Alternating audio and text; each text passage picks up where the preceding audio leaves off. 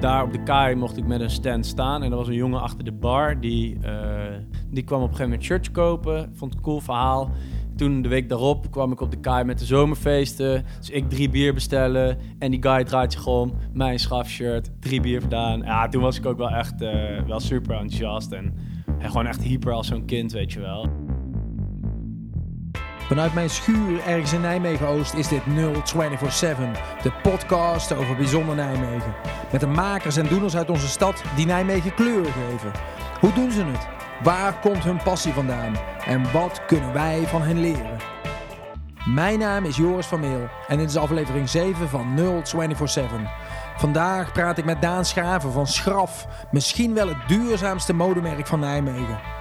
Over hoe je een betere wereld krijgt door t-shirts te maken van reststoffen. Hoe je naast een studie een eigen bedrijf kunt opzetten. En over spijkerbroeken voor 3,5 euro. Dan? Ja, niet. nee, precies. tuurlijk niet. Ik Ga je ben ooit nu... nog ergens anders wonen? Nee, ben ik niet van plan. Ik heb ergens wel een wilde droom om nog een keer een jaar in Japan te wonen. Eh, Ik ben twee zomers geleden in Japan geweest. En eh, ja, streetwear is daar op een heel ander niveau. Echt, ja, als je dat vergelijkt met elkaar, met zeg maar Europese streetwear of Amerikaanse, hoe de scene in Amerika is, dat is mijlenver uit elkaar. En die Japanners zijn gewoon... Japanners, die, we hebben een bepaalde mix tussen eh, behouden van tradities en hypermodern. En Ja. dat weten zij samen te voegen. Ja, en dat... Het behouden van Japanse tradities bedoel je Ja, dan, ja, eh? ja, zeker. En hoe, En dat- hoe, hoe ziet dat er dan uit? Wat, wat zie je nou, dan? Kyoto bijvoorbeeld, dat is dan de oude hoofdstad. En ehm, je ziet daar een hutje, eh, wat op een Japanse wijze waarschijnlijk al, wat al honderden jaren op die manier wordt gemaakt. Naast gewoon een supermodern pand, wat ook super tof is. En dat kan, heel vaak gaat oud en modern niet samen. Mhm. En Japanners, die zijn gewoon het levende bewijs aan zich dat dat samen gaat. Maar hoe uitziet dat in mode dan? In? Eh, in mode, dat, dat ze heel erg... ehm, ze gaan heel erg soort van terug naar de basis. Dus heel, erg, heel veel dingen die, die zie je weer terug in bijvoorbeeld... dat ze elementen halen uit legeruniform. Heel erg geïnspireerd door dingen uit legerkleding. Omdat dat natuurlijk gewoon dikke, degelijke kwaliteit is. Anderzijds dus met weer... eh, ze, doen, ze maken dat soort basics, maar dan met een moderne touch. En dat vind ik, dat vind ik gewoon heel vet. Dat Ja. je dat samen kan voegen. Ik denk dat er maar weinig... ehm, merken zijn die dat kunnen, eh, kunnen samenvoegen zonder een soort van nep te zijn. Ja, het blijft altijd moeilijk om te omschrijven. Ik kan het je laten zien en dan... maar, maar dan snap zou je naar Japan... Waarom wil je dan naar Japan? Om daarvan te leren? Of eh, Eh, ja, ja, sowieso. Nou, en de cultuur spreekt me gewoon mega erg aan. Ik ben, ik, de structuur die er in Japan heerst, dat is iets waar ik wel in kan... eh, ja, ik kan mezelf daar wel in zien leven. dus de hiërarchie bedoel je? Of, Ja, nee, natuurlijk. Hiërarchie misschien niet zo, want daar heb ik wel problemen mee. Maar het feit dat iedereen weet wat hij doet. En als je zeg maar daar. ehm, als je daar op het st- station bent, weet je wel, je pakt daar de trein. Je hoeft sowieso. eh, wij, het is niet dat wij. Ik ging met mijn broer en een vriend. Het is niet dat wij Japans konden lezen en op de borden daar. Dan we wisten eh, hoe laat onze trein ging. en, maar we konden niet lezen wat de halte was, of dat een goede halte was. Maar de tijdsaanduiding konden we wel lezen. Dus we wisten gewoon van, joh, als daar staat dat hij om veer- 16 over 2 gaat. En daar staat 16 over 2, dan weten we gewoon dat dit de goede is. Want het gaat gewoon niet later of eerder. Het gaat gewoon op die tijd. Die punctua- punctualiteit, die, dat, dat perfectionisme, zeg maar. Ja, dat, dat spreekt me mega aan. En, en iedereen hier in Nijmegen, of overal in Nederland, heb je op de roltrap links gaan, rechts staan. En dat doet niemand. En daar, bedoel, daar Mensen- doet iedereen dat. En Mensen ook, verhouden zich tot elkaar. ja, zeker. En ik bedoel, super vet keer laatst ook in zo'n podcast gehoord dat bijvoorbeeld na Katrina, eh, weet je wel, super Orkaan. heftige orkaan, Ja. Ehm, begonnen mensen te plunderen en braken de rellen uit en super veel criminaliteit, geweld, ge- gevechten om voedsel. In Japan, Fukushima, ook lijpenramp. Eh, mensen gingen daar rustig in de rij staan met hun voedselbonnen. In twee weken was dat weer helemaal opgebouwd. En dan Hm. heb je zoiets van, ja, als je het hebt over een soort van utopie, Ideale samenleving. ja, super vet. Eh, aan de andere kant is het natuurlijk de suicide rate in Japan Ja, mega hoog. En ehm, op persoonlijk vlak eh, Kunnen zij een hoop van ons leren? ja, hebben die mensen dikke struggles. Ja. Maar eh, als je kijkt naar het collectief en als je dan kijkt naar duurzaamheid, ehm, ja, dan moet je toch wel een beetje aan dat soort, soort samenlevingen denken. In ieder geval als ik daar in mijn hoofd mee bezig ben. Ehm, en dan kunnen wij wel ziek van Japanners leren. Ja. Ik bedoel, je ziet daar niks op straat. Ik heb me daar zo dat is de meest veiligste plek waar ik ooit ben geweest. Ik durf te wel dat als je daar een laptop op een bankje zet en je komt twee dagen later terug, vind je die laptop nog steeds weer gewoon daar, onaangeraakt. Iemand die zijn excuus aanbiedt dat jij hem bent kwijtgeraakt. Zo, dat, dat is gewoon super tof en dat spreekt me heel erg aan. En daarnaast heb je in Japan heb je het, eh, het modewarenhuis Beams. Met een B, eh, B-E-A-M-S. En eh, ja, dat is gewoon zo super vet. Dat is zeg maar formaat V&D. Van vroeger zeven verdiepingen. En elke verdieping heeft zijn eigen expertise. En bij de ene verdieping is het alleen maar sneakers. En bij de andere is het basics. En bij de ander is het veel meer gericht op streetwear. Een afdeling met haute couture. En het is allemaal vet. Het maakt gewoon niet uit. Het, het is gewoon allemaal vet. Weet je, nou, en dat is wel, daar heb ik het ook al, grappig ook wel altijd met mijn vriendin over. Maar dat is ergens ook wel echt serieus. Als ik de kans zou krijgen, als Beams mij een bericht zou sturen: hey Daan, wil je niet met je ideeën over schaf en, en, en mode eh, hier een jaar komen werken? Dan zeg ik denk ik wel meteen ja. Zie je bij een oproep aan Beams. Eh, ja, Beams, no- sollicitatie. Beams nodig me uit. ja, precies. Daan, welkom. Ja, We zijn al begonnen, Ja. maar ik heb eigenlijk altijd één standaard eerste vraag. Als jij je moet introduceren aan de mensen die je nog niet kennen, hoe zou jij jezelf dan in een paar zinnen introduceren? Ehm goeie vraag. Nou, ik ben dus Daan Schraven, echte, echte Nijmegenaar. Hoe zich dat uit, dat ja, kunnen we nog over hebben. Ehm, heel erg begaan met mode en sneakers. Daar ben ik echt al mijn hele leven mee bezig. En dat heeft ervoor gezorgd dat ik de laatste... Of dat ik af drie jaar terug ben begonnen met het opzetten van mijn eigen kledingmerk. En ehm, daar maak ik van, van restpartijen stof... haal ik overal nergens vandaan. En daar, daar maak ik streetwear van. Je kledingmerk heet Schraf, Ja, maar Ja. je bent, eh, één ding vertel je nog niet, je bent ook nog student. Eh, ja, zeker. Niet ja. bij Artes of niet aan de nee, modeacademie? nee, nee, nee. Ik, ik studeer Business Innovation in Den Bosch. Ehm, ik woon daar echt niet door de week. Nijmegen, weet je wel. Je pakt de trein. Nijmegen dus. Nee, de ehm, Business Innovation, super toffe opleiding. Ik heb hiervoor eerst twee jaar bestuurskunde gedaan. Totaal wat anders. En, ehm, maar ik had die twee jaar echt nodig om erachter te komen wat ik wel wou doen. Ja. En, eh, bij bestuurskunde, dat ging ik oorspronkelijk doen omdat ik impact wil maken op de wereld. En ik was in de veronderstelling dat je dat via de bestuursweg kon doen. Dat kan. Is een methode. Mits je echt een bizar lange adem hebt en je formulieren, protocol, procedures oké vindt.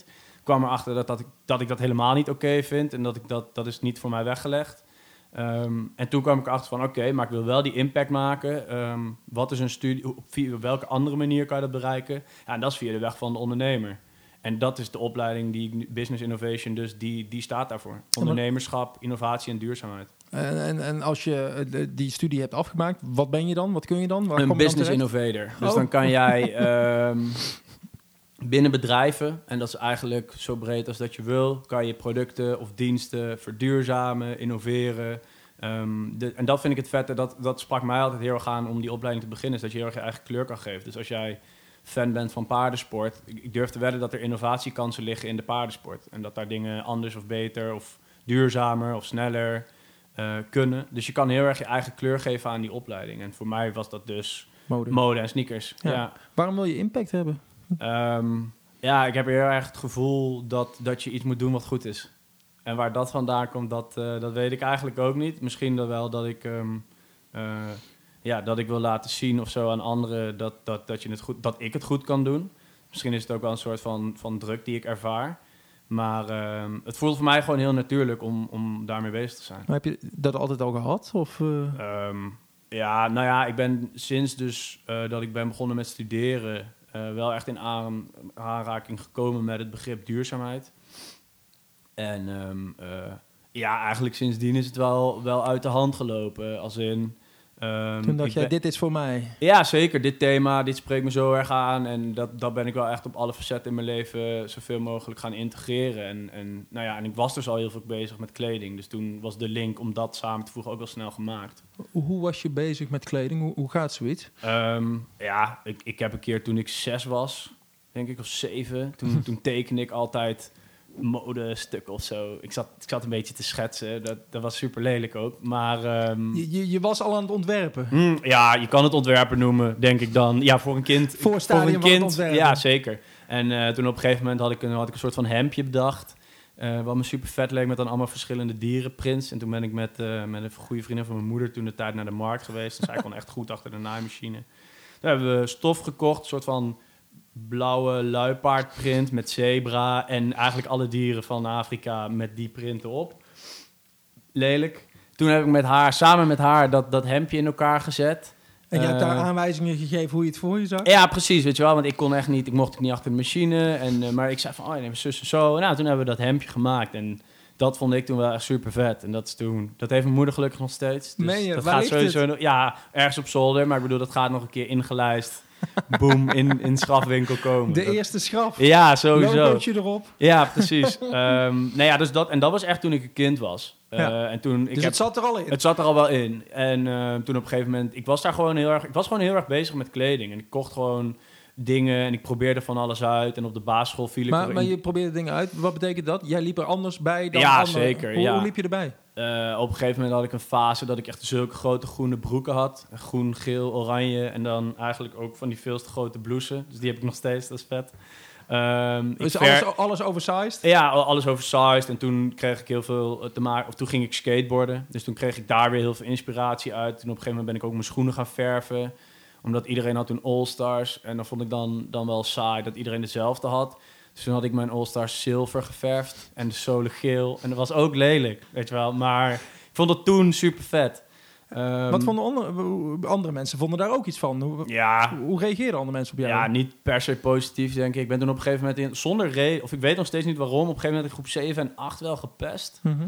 Ehm, ja, nogmaals, ik weet nog steeds niet waarom. En dat heeft me echt in die niet, niet dat ik daar heftige eh, dingen aan over heb gehouden hoor. Deed, deed weinig met je op dat moment. Je wist Ja. gewoon, dit is wie ik nou ben, ja, dit wil ik zijn. ja, voor mij was het wat ik zeg, gewoon heel natuurlijk om daarmee bezig te zijn. En ik vond dat gewoon vet. Dus ik dacht van ja, ik, ja, ik snap niet zo goed waarom jullie mij pesten. Want ik ben nog steeds gewoon volgens mij een sympathieke guy. maar, eh, maar ja, basisschool. En toen ging iedereen naar, naar NSG, Canisius. En ik ging toen naar Montessori. Ehm, en dat vond ik heel relaxed. En daar was Nieuwe veel meer start. ruimte voor creativiteit. En inderdaad wel toch een soort van nieuwe start. En daar super toffe vriendengroep gemaakt. En dat is ook wel een mooie brug naar Nijmegen. Weet je wel, dat is echt de vriendengroep die ik daar heb, heb gemaakt. Tien jaar geleden is nu nog steeds de vriendengroep. En gewoon super open-minded, gezellige zooi mensen. Ehm, En de rol die mode in je leven speelde toen? eh, Zat je toen zelf ook achter een naaimachine? nee, jaar, nee, of, eh? zeker niet. Ik was toen op de middelbare school eh, vooral bezig met sneakers. Veel sneakers verzamelen toen. En nu nog steeds wel af en toe, maar het is wel echt, echt gemiddeld. Op een gegeven moment had ik 100 paar. Ehm, ja, dat liep totaal uit de hand. Kun je maar, mensen uitleggen waarom je 100 paar sneakers hebt? Ehm, ja, het is verzamelen. Er zijn dus ook mensen... postzegels, ja, het maar- is gewoon echt letterlijk hetzelfde. Alleen het, het vet aan schoenen is dat je het ook nog kan dragen. En dat je echt er een statement mee kan maken. Het En, nadeel is dat ze niet in een album passen. ja, dat is een nadeel. En op een gegeven moment heb je echt veel ruimte nodig. En het nadeel is ook dat die dingen wel gewoon relatief duur zijn, denk ik, ten opzichte van postzegels. Of in ieder geval, ik ben geen Ja, postzegelkenner, ook hele maar... dure postzegels. Ja. Ehm, nee, dus, eh, dus heel veel met sneakers bezig geweest. Maar dat, ja, nog steeds hoor. Nog steeds. En ik bedoel, ja, een Nike tattoo, die zet je ook niet zomaar. Dames en heren, hij heeft een Nike tattoo op zijn voet staan. Ehm, We zullen een foto maken straks, Daan Koet. Ja, ja, ja, dat is prima. Ehm, nee, ja, en dat werd, dat werd op een gegeven moment wel dat ik dacht van, ah, dit begint nu een beetje uit de hand te lopen, moet wat minder worden. En het kostte vooral heel veel geld, dus toen ben ik weer heel veel schoenen gaan verkopen. En ik zit nu denk ik op 50 paar zo. Dus dat is... Trek ze allemaal aan of hoe gaat zoiets? Die- ja, wat draagbaar is nog wel. Ik bedoel, we hebben het over een bank uit 63. Ik heb ook schoenen uit 94 en die kan je gewoon niet meer dragen, want dat rubber is uitgedroogd. Poreus. Ja, dat rubber is helemaal poreus. Dus als je die schoen aantrekt, dan kan je één stap zetten en dan valt de hele sol uit elkaar. En dan... Maar je hebt ze nog wel omdat het een hele mooie ja, ziek, edition is. is. ziek dat je die hebt uit Ja? 94 met de originele doos, met, met alles origineel Is dat erbij. dan ook gewoon een soort collectors Ja, item als je het. die op Amazon zet? Ja, tuurlijk. En dat ligt eraan met de sneakermarkt. Dat komt nu heel veel in het nieuws. De sneaker scene is wel echt populairder geworden. Maar, eh, maar, maar mocht zeg maar een bepaald type model nu weer populair worden... en dat is een model wat ik heb, oor- oorspronkelijke versie uit 94 met doos... ja, dan kan je er wel voor vangen. Maar ik bedoel, ik heb het nooit voor, voor het geld gedaan. Nee, Gewoon puur verzamelen. mooi. Maar dat was dus meer echt middelbare school. Nou, toen ging ik dus bestuurskunde. En eigenlijk middelbare school was ik gewoon bezig met sneakers. Verder niet met kleding. Toen ging ik bestuurskunde doen. Toen was ik nog minder bezig met beide. Ehm, maar toen, werd, toen werd, werd ik dus daar best wel ongelukkig. En ehm, toen dus na twee jaar daar besloten om te stoppen. Het was niet jouw wereld. Nee, het was, het was gewoon echt niet mijn wereld. En ik moest daar... Ik werd op een gegeven moment weet ik nog goed... Toen gingen we een presentatie doen. En het was heel gewoon om, eh, om in een driedelig pak dan te komen. Ja, daar had ik natuurlijk sowieso moeite mee. Ehm, dus ik kwam zeg maar in een soort outfit zoals nu... met iets minder, iets minder gaten. Maar verder wel gewoon zoals ik ben. En ehm, toen weet ik nog dat een van de begeleiders zei van... ja, ik, vond- ik vond je verhaal wel goed... maar ik vond je wel heel nonchalant overkomen. En toen dacht ik ook van ja, dit is zo niet mijn wereld. Want mijn verhaal is ijzersterk en ik heb hier... Ik word beoordeeld op wat ik En aan ik word beoordeeld op wat ik hier aan heb. En toen dacht ik ook van ja, dit is... Dit, ik dacht, ik zit het nog uit. En toen dacht ik, nou nee jongen, ik ga er toch niet uitzitten. Dit is... Ik bedoel, het is letterlijk overheidsmanagement. En ja, dat, dat paste gewoon niet. Nou, Nee. toen tussenjaar gehad, heel erg gestruggeld van ja, wat, wat dan wel en wat, Wat dan heb je dan tussenjaar gedaan? Hoe, wat, wat, doe- Eh, wat- bananen gevuld bij de Albert Heijn. Kijk, Ja. dat was het ook niet helemaal. Nou, sterker nog, dat, daarmee stop ik. Dat doe ik nog steeds. Tof. Tien jaar eh, groenteman nou. En eh, ik kap over een maand, dus ik ben afgestudeerd. Dus dan is mijn Albert Heijn tijdperk voorbij, schooltijdperk voorbij. Ehm, maar ik bedoel, ja, je hebt ook gewoon geld nodig Zeker. om al die leuke dingen te doen. Dus dat heb ik altijd eh, gehad van, joh, ja, ik bedoel, je kan alles doen en laten wat je wil, maar er moet ook gewoon centen komen. Maar toen had jij opeens het eh, visioen... Ik wil van onderaf eh, impact hebben op deze wereld. Ik moet het vanuit de onderneming doen. Ja, nou ja, ik, ik, dacht business vooral, innovation doen. Ja, precies. Ik dacht vooral, het moet, het moet snel kunnen. En, ehm, of impact moet sneller kunnen dan, dan de beleidsweg. En je moet gewoon eigenlijk een beetje kunnen doen en laten wat je wil. En, en toen dacht ik, ja, wat zijn mensen die dat doen? Dat zijn ondernemers. Ja, had je toen ook al... Je bent business innovation gaan doen. Vier jaar geleden nou, denk ik Mhm. dan. Hè? Want je zit in je vierde jaar. Je bent bijna klaar. Had je toen ook al de link gelegd met mode? Ik ga, het, ik ga impact hebben via mode? Nee, zeker niet. Nee, nee, Hoe nee. kwam Ik had- dat dan? Wanneer Ja. was dat eh aha-moment? Ja, dat was dus wel tof. Dat, eh, dat eigenlijk toen ik dag één dat ik met die opleiding begon, werd er zoveel ehm, aandacht besteed aan je creativiteit. Weet je wel, we hadden opeens weer vakken als creatief denken. ehm, wat ik op Montessori College ook had, maar toen bij bestuurskunde totaal weg was. En dat kwam toen opeens weer terug. En, en, en toen begon ik opeens weer thuis te knutselen en zo. Terwijl ik gewoon wel twintig was. Maar ik had zoiets van, ja, weet je wel, die docenten hadden echt een goed verhaal. Dat, dat creativiteit, dat moet je aanwakkeren en daardoor komen er mooie dingen. Nou, toen ben ik gewoon weer eigenlijk in het eerste jaar weer gaan knutselen en dingen gaan doen. Wat, wat knutsel je? Wat bedoel ja, je? weet ik veel. Op een gegeven moment heb ik toen kleerhangers van karton. Gewoon, het is echt knutselen. Ja. Ehm, nog niks met mode verder. En toen kwam dus het Maar moment... prototypes bouwen of zo? eh, Ja, of dan had ik een idee en dan moesten er uitingen van kranten op een, op een, op een kleerhanger. En die kon je dan weer aan een muur hangen. En Ja, ja. Best vergezochte dingen. Maar, maar wel gewoon creatief. Je wel. En- ja, aan de slag. En, en los van die kaders en los van de formuliertjes en zo. En dat voelde eigenlijk heel lekker. En, school, en daar, dus dat, dat begon. En school bleef maar zo van, ja, je moet gewoon doen wat je vet vindt. En toen kwam dus ook dat hele ondernemerschap eh, onderdeel of onderwerp erbij. En toen in de zomer van het eerste op het tweede jaar, ehm, ja, toen kocht ik dus een t-shirt van een skatemerk eh, voor 50 euro. En dat viel toen na één keer uit elkaar. En toen dacht ik, dit is helemaal drie keer niks. Ik zal het laten zien dat het anders kan. En, dat, en toen was schaf, eh, ben ik begonnen met schaf. Oh, die gaat even heel snel. Eh, je kocht een crappy t-shirt van Ja, 50 euro. Nou ja, het was in, in mijn veronderstelling dat het een goed t-shirt was. dat ja. mag voor dat geld. Vond ik ook. Nee, Dat- van een vet skatemerk. Dus ook niks negatiefs over het merk. Want dat is echt vet. En dat, is, dat vind ik nog steeds tof.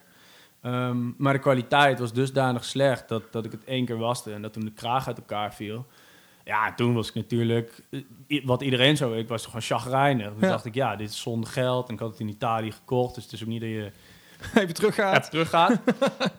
en, ehm, ja, en dat leidde eigenlijk tot zoveel frustratie. Dat ik dacht van, joh, dan, dan doe ik het zelf wel. Maar dan doe ik het zelf wel. Dan, dan kun je ook gewoon een kledingmerk starten. Dan Ja. hoef je niet direct een kledingmerk te starten... waarin de basis is dat je het van de reststoffen Nee, gaat maken. oh, nee, nee, nee, zeker. Toen was vooral inderdaad van ik doe het zelf wel. Ik start een kledingmerk. Ja. En toen wist ik verder ook nog niet eens hoe het ging heten. En qua inrichting en qua ontwerpen. En, En toen, wat ben, je, wat ben je toen gaan doen? Ben je die zomer ook gestart? Of hoe gaat Eh, zoiets? ja, ik ben toen in de zomer gestart met een naam. Daar heb ik toen over nagedacht. Best wel lang. Toen dacht ik op een gegeven moment van ja, waarom zou je daar lang over nadenken? Het is heel simpel. Eh, wat is mijn achternaam? Dat is Nou, haal die EN eraf. Schaf, klinkt tof. Ik dacht ook vooral, het is ook wel in die zin een knipoog naar, eh, naar veel merken die dan super gecompliceerd en een beetje, een beetje hip en fancy klinken, maar eigenlijk voor niks staan. Toen dacht ik, ja, je Doe kan ook gewoon andersom doen en Ja. lading geven aan, aan de merknaam. Maar hoe, hoe start je dan? Ga je dan zelf ontwerpen? Of wat? Eh, ja, nou ja, ik had ideeën van hoe, hoe t-shirts eruit... Ik wist dat ik ging beginnen met t-shirts, omdat dat gewoon... In, dat is makkelijk om mee in te stappen. Want dat is, dat, ja, dat is toegankelijk, weet je Ja. wel. En, en dat is, heel veel mensen hebben... Iedereen koopt wel eens een keer een t-shirt. Ja. Ehm, dus nou ja, dus begonnen met die merknaam. Toen ben ik een beetje gaan, gaan rondzoeken naar wa- wa- waar, waar kan je dat vandaan halen. Online gewoon. Dus toen kwam ik uit Portugal en Polen. en Waar kun je wat vandaan halen? t-shirts. Dus je wil ze importeren? Ja, toen, toen had ik gewoon zoiets van, ja, oké, ik heb een naam. En Ja. nu heb ik ook kleding nodig. Ja. Ehm, Nou, en toen heb ik een keer een sample uit Polen gekregen. En dat was allemaal gedoe. En een keer uit Italië. En dat was allemaal gedoe. En, ehm, en toen begon school dus weer, terwijl ik daar, terwijl dat proces zo liep. En, ehm, en toen kwam dus op een gegeven moment, eh zei school van... hey jongens, als je met een eigen onderneming bezig bent of die wil starten... eh, dat kan vanaf dit blok. Eh, en toen dacht ik, yo, super nice. want, want ik zat nog te zoeken met waar ik dan met schaf precies naartoe moest. En, ehm, nou ja, en een van die voorwaarden dus van, van school, vanuit school was van... ja, het moet gekoppeld zijn aan duurzaamheid. En eigenlijk toen vanaf daar eh, trok het thema duurzaamheid in het merk schaf. Ja, want het eerste idee was eigenlijk dat Het eerste je... idee was, ik ga gewoon t-shirts op de markt brengen... die gewoon in ieder geval super veel beter zijn dan dat shirt van 50 euro wat uit elkaar viel. Ja, ja. Ja, dus toen moest duurzaamheid erbij. Hoe kwam je op het idee om daar reststoffen voor te gaan gebruiken? Hoe, hoe was dat dan? Mm. Ja, nou ja, toen, toen, ehm, toen zijn er twee jongens bijgekomen. Mhm. Omdat dat moest voor het project voor Van je school. studie? Ja, nou, dat vond ik oké. En, ehm, en toen zijn we dus op een gegeven moment gaan kijken van... ja, waar koop je dan stoffen? En toen zijn we echt gewoon naar een, naar een stoffenwinkel gegaan. Want dat leek ons een logische stap. Goed idee. Ja, precies, weet je. En, ehm, en toen kwamen we dus in een winkel in Arnhem terecht. Een keertje in Tilburg, maar ook in Arnhem. En toen in Arnhem kwamen we dus ehm, een, rol, een rol stof tegen van, van matrassen. Dus de bovenste toplaag van matrassen. Dat is zeg maar zo'n zo'n lekker dun wit laagje. Heel, heel mooi katoen vaak. Met van die ehm, ribbeltjes erover. ja, precies. Er zit altijd zo'n ja, ribbeltjes of een wafelpatroon of Precies. een honinggaat. En ehm, eh, dus dat zagen we daar staan. En toen dacht ik, maar dat is vet. En toen hebben we dat gekocht. Toen hebben we eh, voor veel te veel geld ook. Maar ja, wisten wij veel. Was gewoon, wat, wij dachten, dat is een mooie stof. Dus als je ergens begint, moet je met een stof beginnen. En ehm, Waarmee je ver- verkoopprijs van de, van de t-shirts gelijk al heel ja, tuurlijk, maar dat wisten wij allemaal Nou, niet. Dat was gewoon het leuke, weet ja. je wel. Het was gewoon super, we, gingen, we, we joegen het zo praktisch aan. Dat we gewoon van, oké, stap 1, Stof. stof. Google, stoffenwinkel. Nou, de stoffenwinkel. Ja, toen kwamen we dus dat tegen. Stap 2. Atelier. Weet je wel, waar kan je dat laten maken? Want wij kunnen zelf allemaal niet... Ik bedoel, ik kan achter de naaimachine wel wat, maar... Ik zou iets wat ik achter de machine maak nooit verkopen. Omdat ik ben ongeduldig en dat gaat scheef. En dat is niet goed genoeg, nee. Ehm, en eh, dus toen hebben we een atelier gevonden in Arnhem, eigenlijk. En daar werk ik nu nog steeds wel mee samen. Dus dat is wel heel tof. Welk Dat- atelier is dat? Studio Rijn. Oké, maar... En die, eh, eh, die hebben een samenwerkingsverband met Rijn IJssel College. Dus Ah, studenten die doen een driejarige modeopleiding tot coupeuse, waarvan ze dus een halfjaartje stage lopen in dat atelier. Dus, eh, dus dat vond ik super tof ook meteen. En kwam daar binnen en een hele goede klik ook met, die, met de manager daar en de mensen daar. En, dus dat was heel vet. Dus daar werk ik daar, ja, ook nog wel steeds mee samen. En eh, toen hebben we eigenlijk daar de eerste, eerste lading shirts gedaan. Maar er zit eigenlijk nog een stap tussen, of niet? Ik bedoel, het- ene t-shirt wijkt toch af van het andere t-shirt? Ja, Daar zit ook zeker. iets Oh, zo, die qua zin. ontwerp Ja. tussen. Hoe, wie doet dat dan? Wie heeft Ja, dat? ontwerp doe ik. Oké. Of deed ik toen ook. En ik had gewoon een, ik had een t-shirt getekend. En ik bedoel, dat is natuurlijk best wel recht toe recht aan. Daar, ja, dat heeft een ronde hals of een V-hals of iets ronder. Maar Precies. dat wij moesten sowieso ronde hals, want streetwear, dus je gaat nooit een V-hals doen. Gewoon bottom line, zo klaar. En, ehm, eh, maar ontwerp was er toen en, en toen had ook het atelier heeft daar ook aan meegeholpen. Van, weet je wel, je moest dan ook de maten graderen. Ja, wisten wij veel. Dat, dat is wel echt een technisch mode dingetje en dat, dat kan ik niet. En ook daar moet je geduldig voor zijn en precies. Nou, dat, dat ben ik ook niet. Maar jij probeerde duidelijk te maken wat je wilde. Ja, weet je wel, ik heb een visie en, en een idee. En ik had gewoon een beetje een tekening. En met ja, handen en voeten hebben we dat weten over te, of heb ik dat toen weten over te brengen op het atelier. En zij hebben toen dat eerste shirt gemaakt. En dat kwam, kwam in principe best wel, best wel close bij, bij wat ik voor ogen had. Ja. Ehm, dingetje was alleen dat andere mensen dat niet zo vet vonden. Hoe kwam je erachter? Ja, om- omdat we, ze er, omdat we er twintig hadden gemaakt. Ja. Echt, eh, dat was toen, toen met, dus met die andere jongens hadden we gewoon zoiets van, ondanks dat het een project voor school was, gewoon van ja, dit is wel gewoon vet. En Verkopen. we gaan er gewoon doen en we gaan het echt opstarten. En ehm, ja, en toen dus online gegaan. En toen dacht ik dat we in één dag alles zouden verkopen. En toen gebeurde er niks. Weet je wel, website, super veel energie ingestoken. En fotoshoots en zo. En, ehm, Maar wat was er niet cool genoeg aan als je het terugkijkt? ja, nee, de maatvoering was slecht. Dus het shirt is nog steeds cool. Ja, de maatvoering, dat betekent dat een, een L, zeg maar, bij mij zat echt perfect. En bij ieder andere persoon, als jij standaard een M of een L had, zat het bij jou fout. En bij iemand anders die een S zou hebben, was het veel groter. En dat is gewoon omdat de gradatie, dus, dus in, in hoeverre de breedte en de lengte en alles, zeg maar, In verhouding, in is met verhouding elkaar. is met elkaar, dat, dat was Klopt misgegaan. niet. Dat klopte niet. Ja. Dus, Dus er was, het shirt was voor een paar mensen vet. bij, bij een paar mensen stond hij ook echt goed, Ja. weet je wel. En eh, op een gegeven moment ook iemand die, een onbekende die hem heeft gekocht. En dat mijn vrienden op een feestje waren en tegen die gast zeiden... Yo, vet shirt man, kan je Daan ook? En dat hij zei, eh, ik weet niet hoor, maar, eh, maar ja, wie de fuck staan? Eh, Ik heb gewoon een shirt ik heb gewoon een shirt gekocht, vond ik vet, zag ik ergens hangen, heb gekocht. En toen dacht ik wel van, oh ja, dat is wel tof. En dat was toch wel 1 op 20 succesje, weet je Ja. wel. En dat... ehm, was genoeg energie om er niet gelijk mee te stoppen. Nee, ja, ja, ja, zeker. Nou, dat heb ik sowieso wel. Het is, eh, eh, het is wel... Er zijn gewoon best wel wat tegenslagen, omdat kleding gewoon een hele moeilijke industrie is. Om, om groter in te worden, om in door te breken. Dus Omdat er zoveel is, bedoel ja, de, ja bedoel, je hebt nul toetredingsbarrières. Wij kunnen nu een logo maken en dat opsturen naar China. En over een maand hebben we zwarte shirts met dat logo. En dan kunnen we zeggen, yo, we zijn een kledingmerk. En Appeltje eitje. ja, het serieus appeltje uitje. Ik bedoel, en voor mij, ik ben je dan geen kledingmerk. Dat maar ook- voor de consument, die ziet het gewoon als hetzelfde. Ja. En Precies. ik kan zeggen, ja, maar het wordt hier gemaakt van restpartijen eh, stof en in Nederland. Maar iemand anders die, een, ja, gewoon even een doorsnee consument, om heel flauw te zeggen, die ziet gewoon t-shirt, t-shirt. Ja. En de ene is duurder dan de andere. Ja, dus nou ja, ja, en inderdaad, vooral zo van, jou, eh, ik zie t-shirt en t-shirt en jou is ook nog eens knijten duur. Dus wat denk je? Ja, precies. Ehm, dus ja, in die zin, dat was toen een 1 op 20 succesverhaal. En zo probeer ik wel die successen ook wel steeds eh, wat groter te maken. Maar ook daar wel nog steeds altijd blij mee te zijn. ja, want Wat, ik, wat wel moeilijk is. Toen hadden we 20 shirts gemaakt. En als je daar eh, over nagaat hoeveel tijd en energie en liefde en moeite daarin is gestoken. En als dat dan betekent dat je één shirt verkoopt ehm, van de 20, waarvan, er, waarvan dus wel die jongen was er ook wel meteen blij mee. Dus dat is super tof. Ehm, maar als je dan kijkt van ja, weegt dat op tegen hoeveel tijd erin zit. eh, dan is dat wel soms een beetje moeilijk. Dus dat bedoel ik met dat je wel altijd blij moet zijn met die successen. Maar als het goed is, is het ook hoe langer je ermee bezig bent, hoe beter je erin wordt, hoe groter die succesgradatie Ja, gaat ja, zijn, kan ik me zo zeker. voorstellen. Ja. Je had er twintig gemaakt. Je Ja. had één blije. Mhm. Om, eh, kun je je het moment nog herinneren dat je iemand in jouw eigen kleding zag lopen, in jouw schafkleding, dat, Ja, die, je dat niet, was tof. die je niet kende? ja, dat was echt super vet. Dat was, Vertel eens, waar was ehm, je? Dat was afgelopen zomer op de Kaai. Ja. Toen, eh, toen stond ik op de Kaai met mijn eerste, echt, echt met mijn eigen collectie. Want dus eh, we hadden toen met die twee jongens 20 shirts gedaan. En toen na, de, na het schooljaar eh, ben ik toen gebroken met die jongens, om het Ja. zo te noemen. Toen ben ik echt een eentje verder gegaan. Eigen collectie opgezet. Daar op de Kaai mocht ik met een stand staan. En er was een jongen achter de bar die... ja, die zag, die zag mij ook de hele week daar staan. Die kwam op een gegeven moment shirts kopen. Vond het een cool verhaal. Toen de week daarop kwam ik op de kaai met de zomerfeesten. En hij had dus ik drie bier bestellen. En die guy draait zich om. Mijn schafshirt. Drie bier gedaan. Ja, toen was ik ook wel echt eh, wel super enthousiast. En gewoon echt hyper als zo'n kind, weet je wel. En ehm, ja, dat was wel gewoon heel Gewoon tof. te kreeg ja, dat was gewoon super vet. Ja. En ehm, in die zin is het nu nog te klein om het echt in het straatbeeld terug te zien. Maar toch zie je af en toe ergens dan een schaftas of...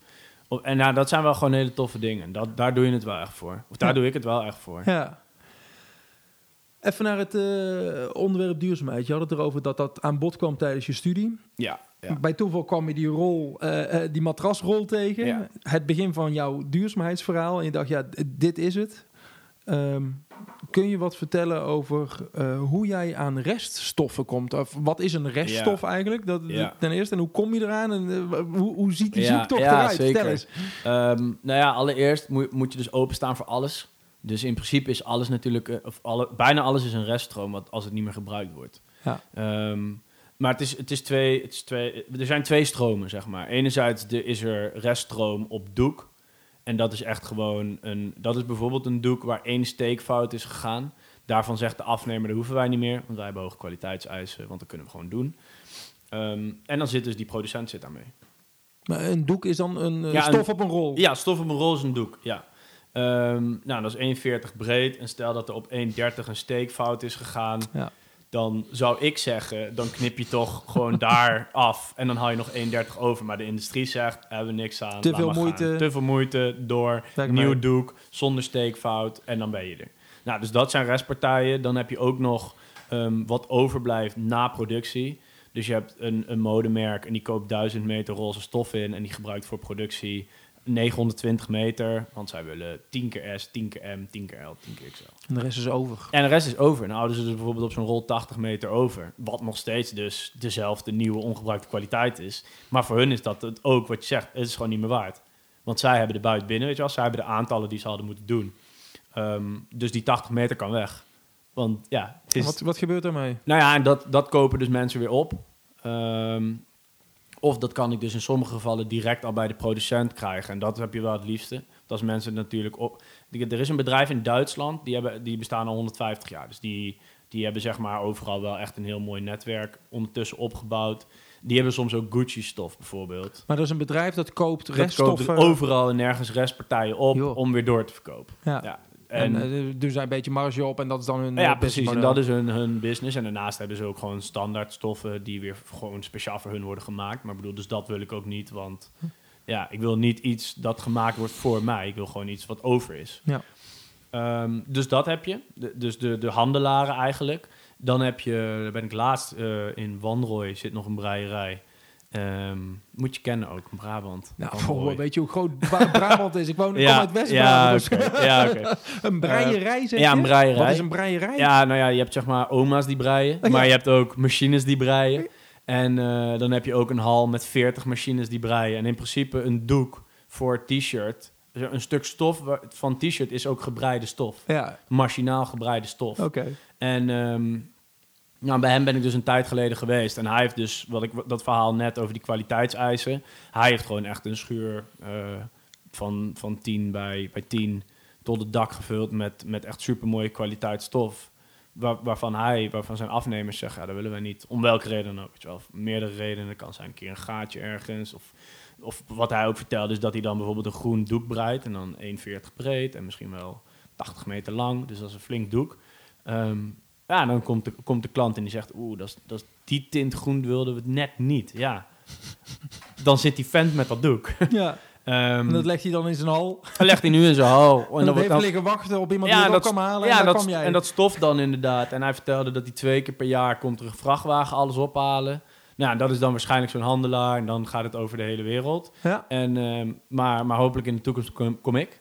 Alleen nog maar ik. En dan kan je gewoon een soort van vast, vaste stroom van hem afnemen. Ja, Precies, ik wou net zeggen. Dat, eh, wat je in Duitsland hebt, zou je hier ook moeten hebben. ja sowieso. Ja, nou ja, en wat dus het mooie is, is dat in Duitsland is dus de tussenhandelaar. En, en die man in Brabant Is direct. Is, is direct. Ja, dus dat scheelt Dus, weer eh, marge. Het scheelt weer marge en, en dat kan je gebruiken, want productie in Nederland is gewoon heel duur. Dus, Ja. dus die marges zijn wel, eh, zijn wel klein. Maar dat is dus een stroom, dus, dus echt het doek. En dan heb je daarnaast dus nog eh ehm, tweedehands spul, waarvan, dus bijvoorbeeld jassen of zo, waarvan mensen zoiets hebben, ja, dat is niks meer waardevols, maar dat kan je wel eh, alsnog voor iets gebruiken. Maar en dat, dat, dat ja. is bijvoorbeeld ehm, tassen, die heb ik gemaakt van oude jassen van Defensie. Ja, Ah. dat is gewoon super hard. Want ik bedoel, één, ik ben echt gek op camouflageprint. Dus dat is sowieso al vet om te doen. Ehm, nee, maar ja, en twee, dat materiaal is, is, is de beste kwaliteit, want, want dat is voor het leger gemaakt. Dus, Ja. dus Is een tas die jij maakt van camouflagespul dat van Defensie afkomstig is. ja, Dat is goed, dat is ja, een goede tas. Ja, dat is een goede tas. En, en dus dat is het toffe. Maar eh, er is zoveel, er, wordt zo, er is zoveel geproduceerd. En er wordt zoveel geproduceerd voor Defensie. En dat is de afgelopen jaren de, de man die de inkoop doet voor Defensie. Die is de afgelopen jaren echt veel beter mee bezig. Dus dat is nu best wel een soort van gesloten systeem. Waarin niet meer overgeproduceerd wordt. Maar ik bedoel, al die jaren daarvoor werd er aanzienlijk overgeproduceerd. En dat zijn ook eh, dingen die het leger nu zelf ook niet meer wil. Dus ik heb bijvoorbeeld woensdag en was er een executieveiling van, ehm, van, een, van een handelaar die op welke manier dan ook aan echt een bizar grote partij aan legerkleding is gekomen.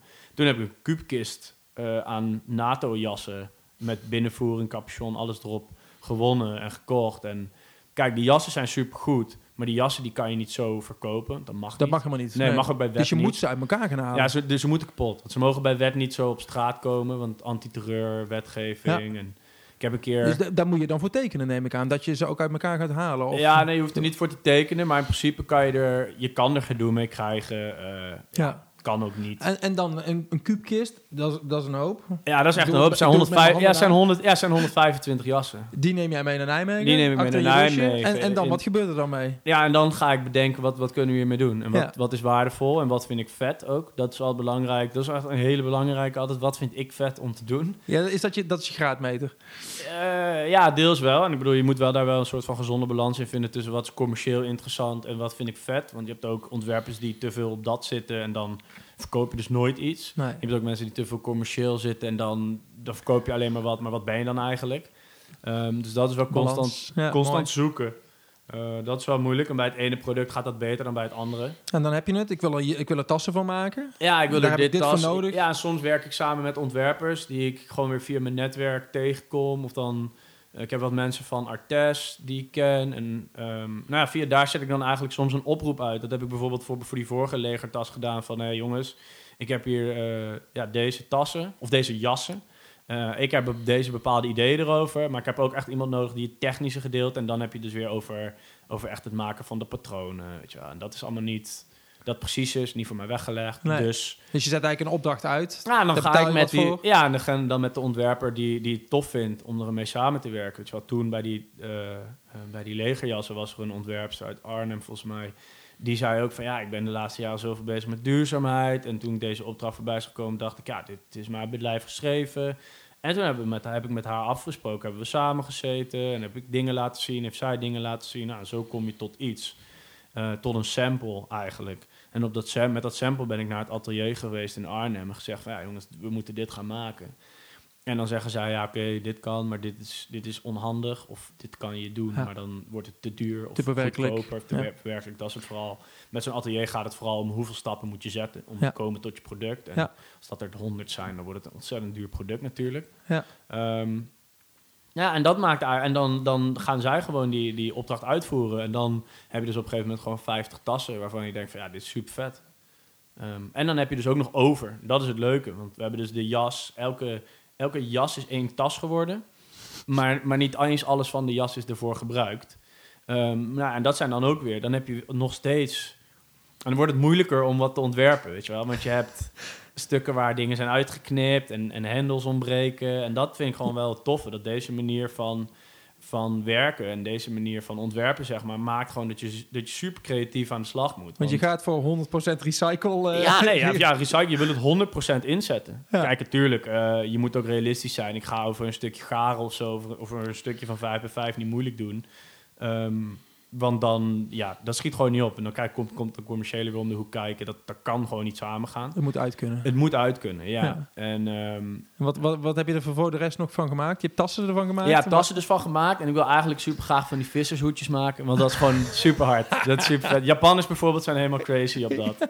En eh, ja, dus dat is gewoon heel vet. En dat zijn Ik dingen... koop er een van je, Daan. Ja, tof. het het is jammer dat ik had het eigenlijk al voor de zomer willen doen, maar ja, je merkt gewoon, je komt niet aan alles toe als je het allemaal moet doen met afstuderen erbij. En dan, weet je wel, twee maanden geleden wist ik al dat ik, dat die vissershoedjes wou doen, maar dan, ja, je moet echt dat ontwerp ook gaan maken en die patronen en weer sample en dan moet je weer uitzetten bij het atelier. En Hoe gaan de zaken? Want je eerste eh, batch was eh 20. ja, ja, allereerste batch was dus 20, allereerste batch was trouwens 6, maar daarna werd 20. En eh, je allereerste batch was 1. Dat was je tanktop eh, toen je 6 ja, was. ja, ja, ja, maar die is niet voor sale. Dat is collectors item voor over 10 jaar. En dan op eBay of zo. Een Eh, echte Daan Een echte Daan Schaven, 10.000 euro. Original uit, wat is het, 2000 of zo. Ehm, nee, ja, de eerste... eh, De eerste batch was 6, zeg je. Wat eerste was batch- dat dan? Ja, dat was nog een, een uitprobeersel daarvoor. Maar Ja. niet eens interessant om te benoemen.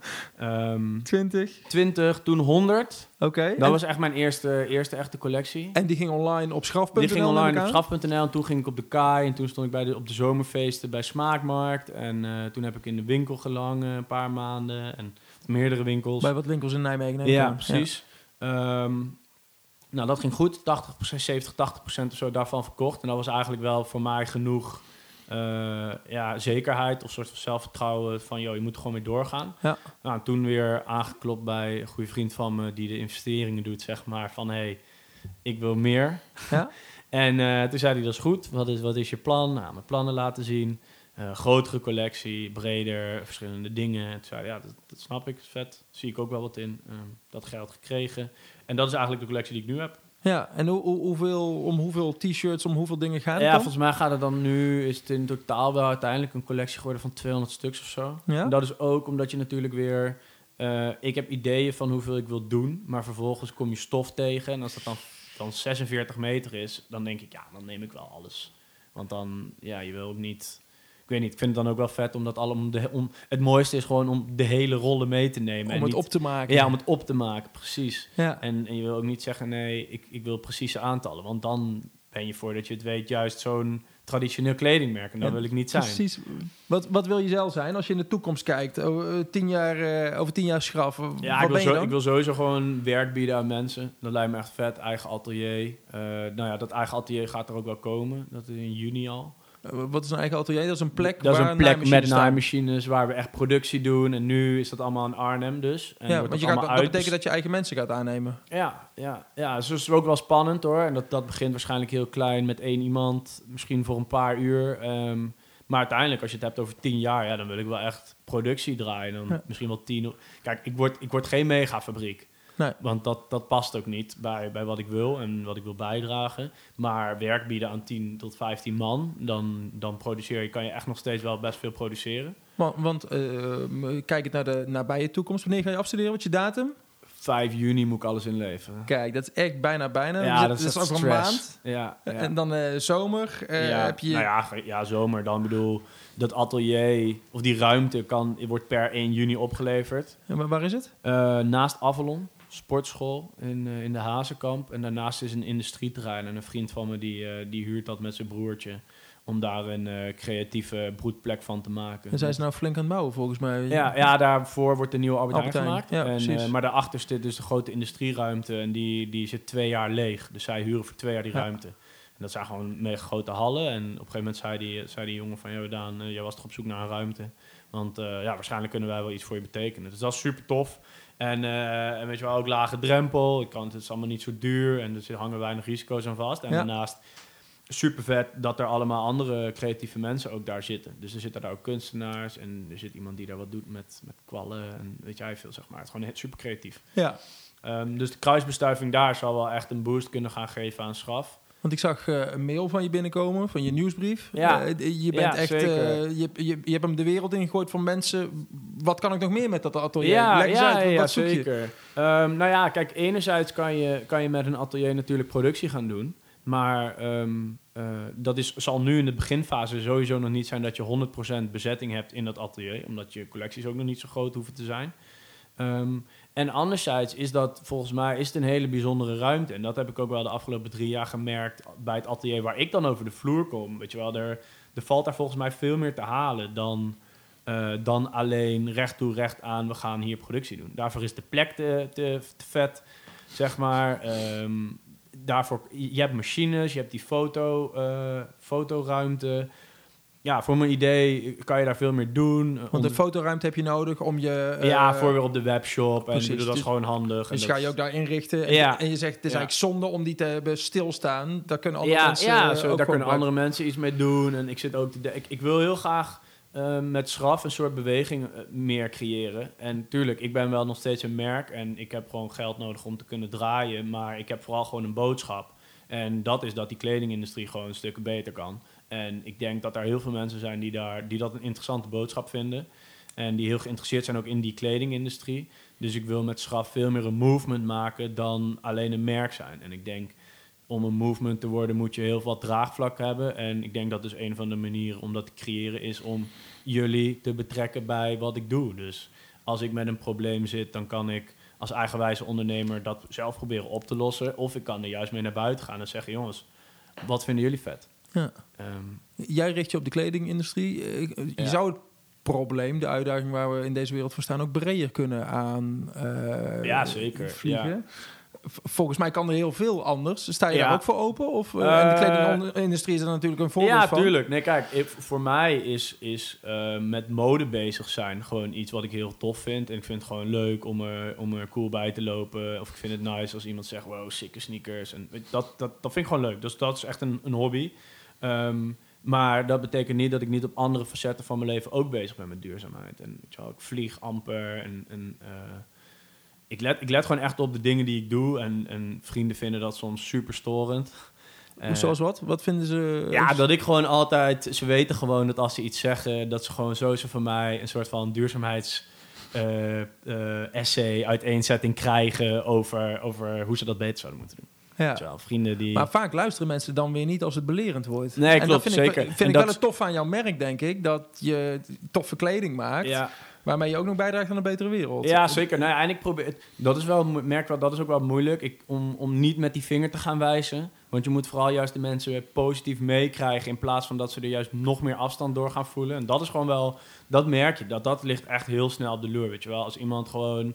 eh zijn kip lekker vindt en ik kom daar s'avonds eten en dan begin ik te zeiken over kip en dat allemaal niet deel, ja, dan gaat die gast ook niet meekomen. Dan gaat hij denken, weet je, het is goed met je, met je duurzaamheidsgelul. Terwijl ehm, mijn broer bijvoorbeeld en een goede vriend van me, eh wij barbecuen altijd superveel in de zomer. En afgelopen zomer zei ik ook van, hé, we kunnen ook eh, deze schnitzels proberen. Verder gewoon niks gezegd. Maar dat waren die vega kipschnitzels. Ja, en die smaken letterlijk hetzelfde als de kipschnitzels. En toen wisten ze al wel meteen eh, dat het vega was. Maar dat, door, door zoiets zijn die boys nu wel ook allebei er wat minder heftig over dan dat ze oorspronkelijk waren. Ik bedoel, dat heb ik ook wel moeten leren. En om, om juist mensen mee te krijgen in plaats van tegen. Want je moet het wel met z'n allen gaan doen. Ja, je kunt ze niet trekken. Je moet ze een klein duwtje geven. Als je, eh, nou ja, en nee, toe. en je moet het intrinsiek willen. Ja, Weet je, moet, gewoon- je moet helemaal niks, dat is het Ja. eigenlijk. ja, ja, zeker. En dat, maar dat is, en dat is het met alles eh, in die zin. Alleen ik, dit vergt gewoon best wel wat eh, discipline, denk ik. En heel veel mensen hebben het gevoel bij duurzaamheid dat van alles wordt afgenomen. Dat niks meer mag en dat niks meer leuk Je is. mag niet meer vliegen, je mag geen vlees meer eten. Je het mag, allemaal niet. Terwijl eigenlijk is het een hele, hele chille manier, denk ik. Best wel rustige manier. Rustiger dan leven dan dat je doet met alles maar in onbeperkte mate. En, en hopen dat, dat dat altijd zo blijft ook. Weet je wel. Het is, Je, denk- maakt, je maakt de keuzes om goed te doen en daardoor maak je betere keuzes wellicht. Eh, ja, mogelijk. Ook al is dat natuurlijk wel een gevaarlijk terrein om te Wat gaan zeggen beter? wie, wie goede keuzes maakt. Eh, want ik ben ook niet heilig en je kan het ook hebben van ja, Daan, eh, je hebt 50 paar sneakers, waar ben je mee bezig?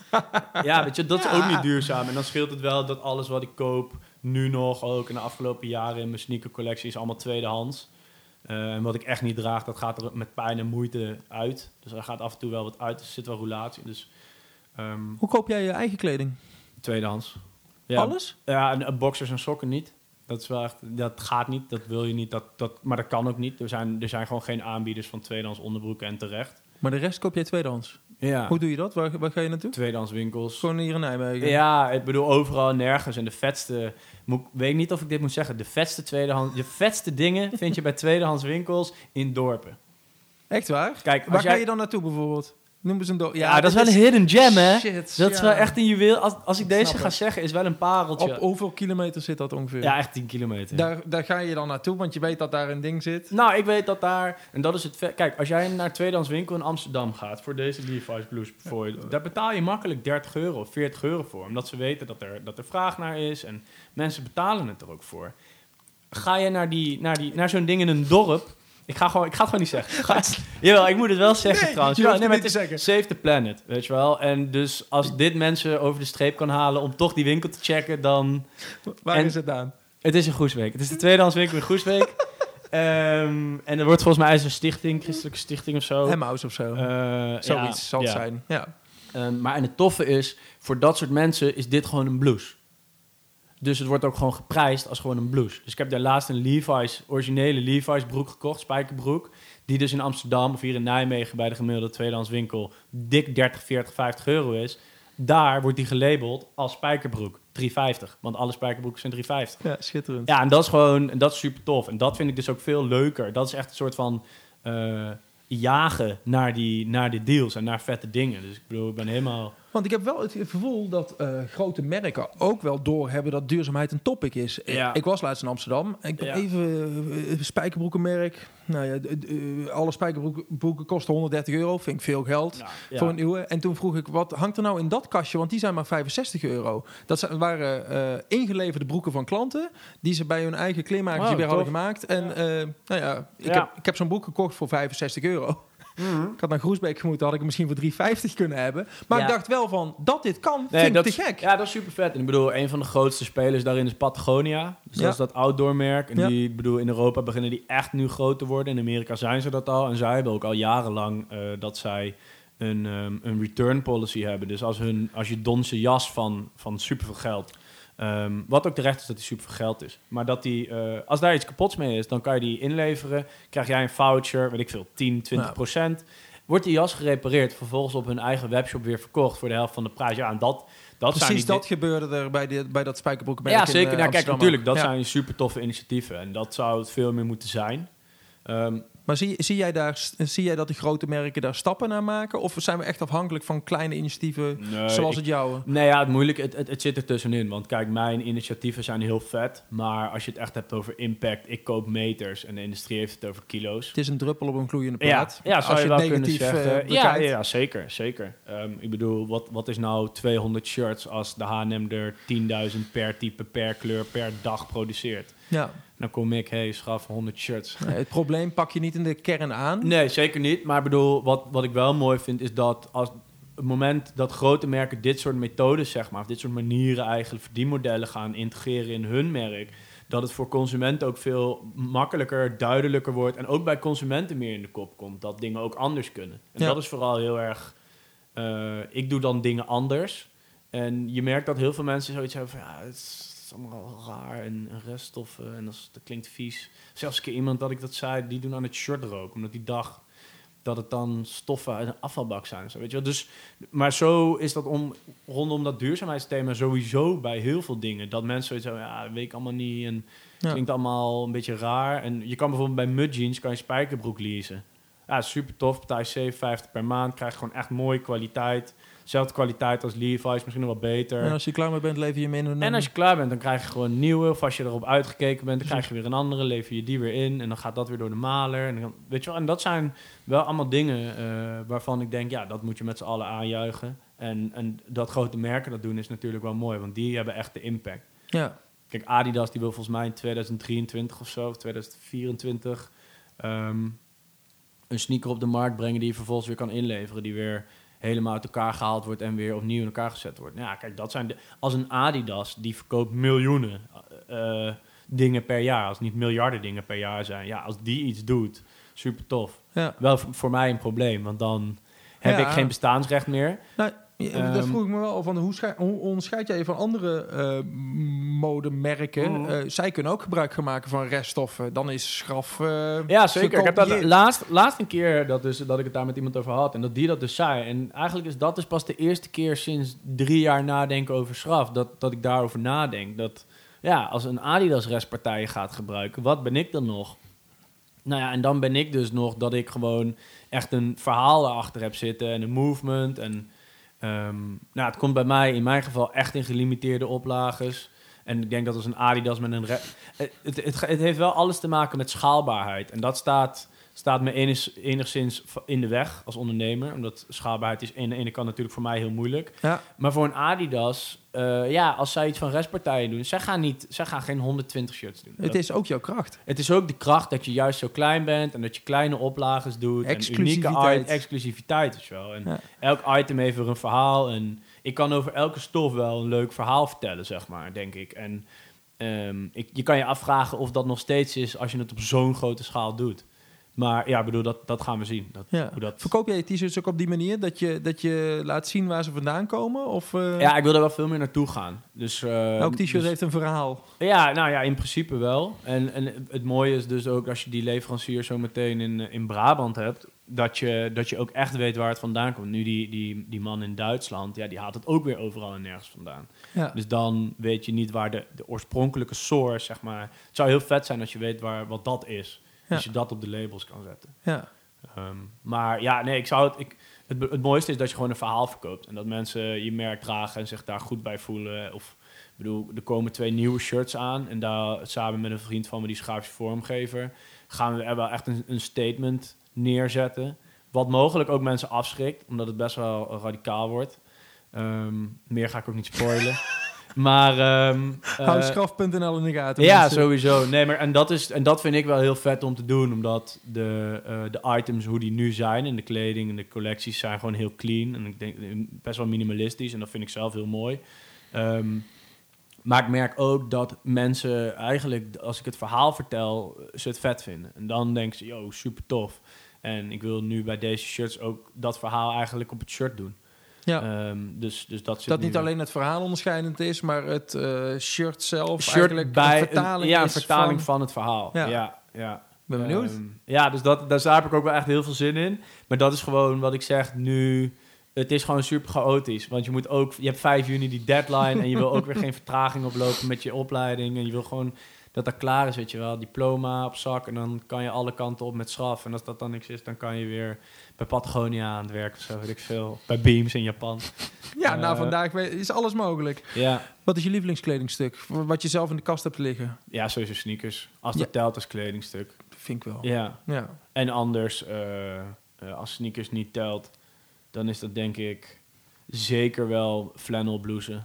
Daar ben ik wel echt... Ja, dat zijn die, die geruite blouses, die, eigenlijk die houthakkersblouses. ja. Ja, daar heb ik ook wel echt... Dat is een classic tweedehands kledingstuk.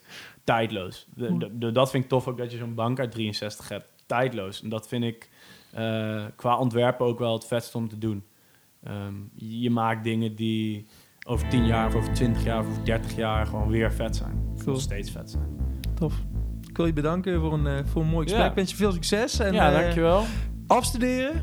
Sowieso. En ik Ja, ga, ik ik ga nou een shirt van je, van je kopen volgens mij. Ik ga ja, hem eerst tof. passen ja, we gaan het eh, zien, toch? Dan gaan we zo samen op de foto. Daan, Vet. dankjewel jongen. Te Dankjewel. gek.